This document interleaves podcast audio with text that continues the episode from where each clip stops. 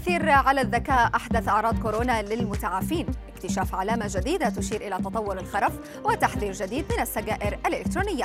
أبرز أخبار الساعات الأربع والعشرين الماضية في دقيقتين على العربية بودكاست.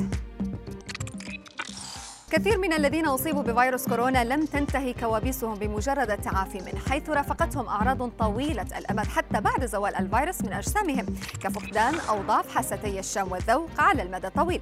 لكن الجديد في هذه الأعراض كشفه بحث بريطاني توصل إلى أن بعض الأشخاص الذين تعافوا من الفيروس حصلوا على درجات أقل في اختبارات الذكاء مقارنة بأولئك الذين لم يصابوا به ما يعني أن أعراض فيروس كورونا تطال حتى مستويات الذكاء والإدراك. في دراسة أجراها علماء في جامعة أكسفورد وشارك فيها أكثر من 80 ألف متطوع أعمارهم فوق 60 عاما. أظهرت النتائج وجود علاقة بين ضعف السمع وتطور الخرف.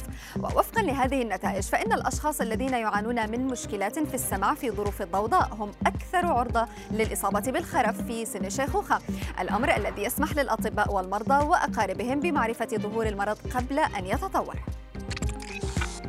إلى بنغلاديش حيث يواجه نظام الرعاية الصحية في البلاد والمحاصر أصلا بسبب الجائحة ارتفاعا مقلقا في عدد حالات حمى الضنك في ظل نفاذ الطاقة الاستيعابية للمستشفيات بسبب مرضى فيروس كورونا. المديرية العامة للخدمات الصحية قالت إنه تم تسجيل نحو 143 حالة إصابة بحمى الضنك خلال 24 ساعة الأخيرة وهو أعلى معدل إصابة في يوم واحد فيما ارتفع إجمالي عدد الحالات إلى نحو 2000 خلال العام الحالي. في تقرير جديد ذكرت منظمة الصحة العالمية أن التسويق الأنيق لصناعة التبغ يجذب صغار السن للسجائر الإلكترونية التي قد تقودهم إلى إدمان التبغ. وذلك رغم مزاعم بعض المديرين التنفيذيين بأنهم يهدفون للقضاء على وباء التدخين.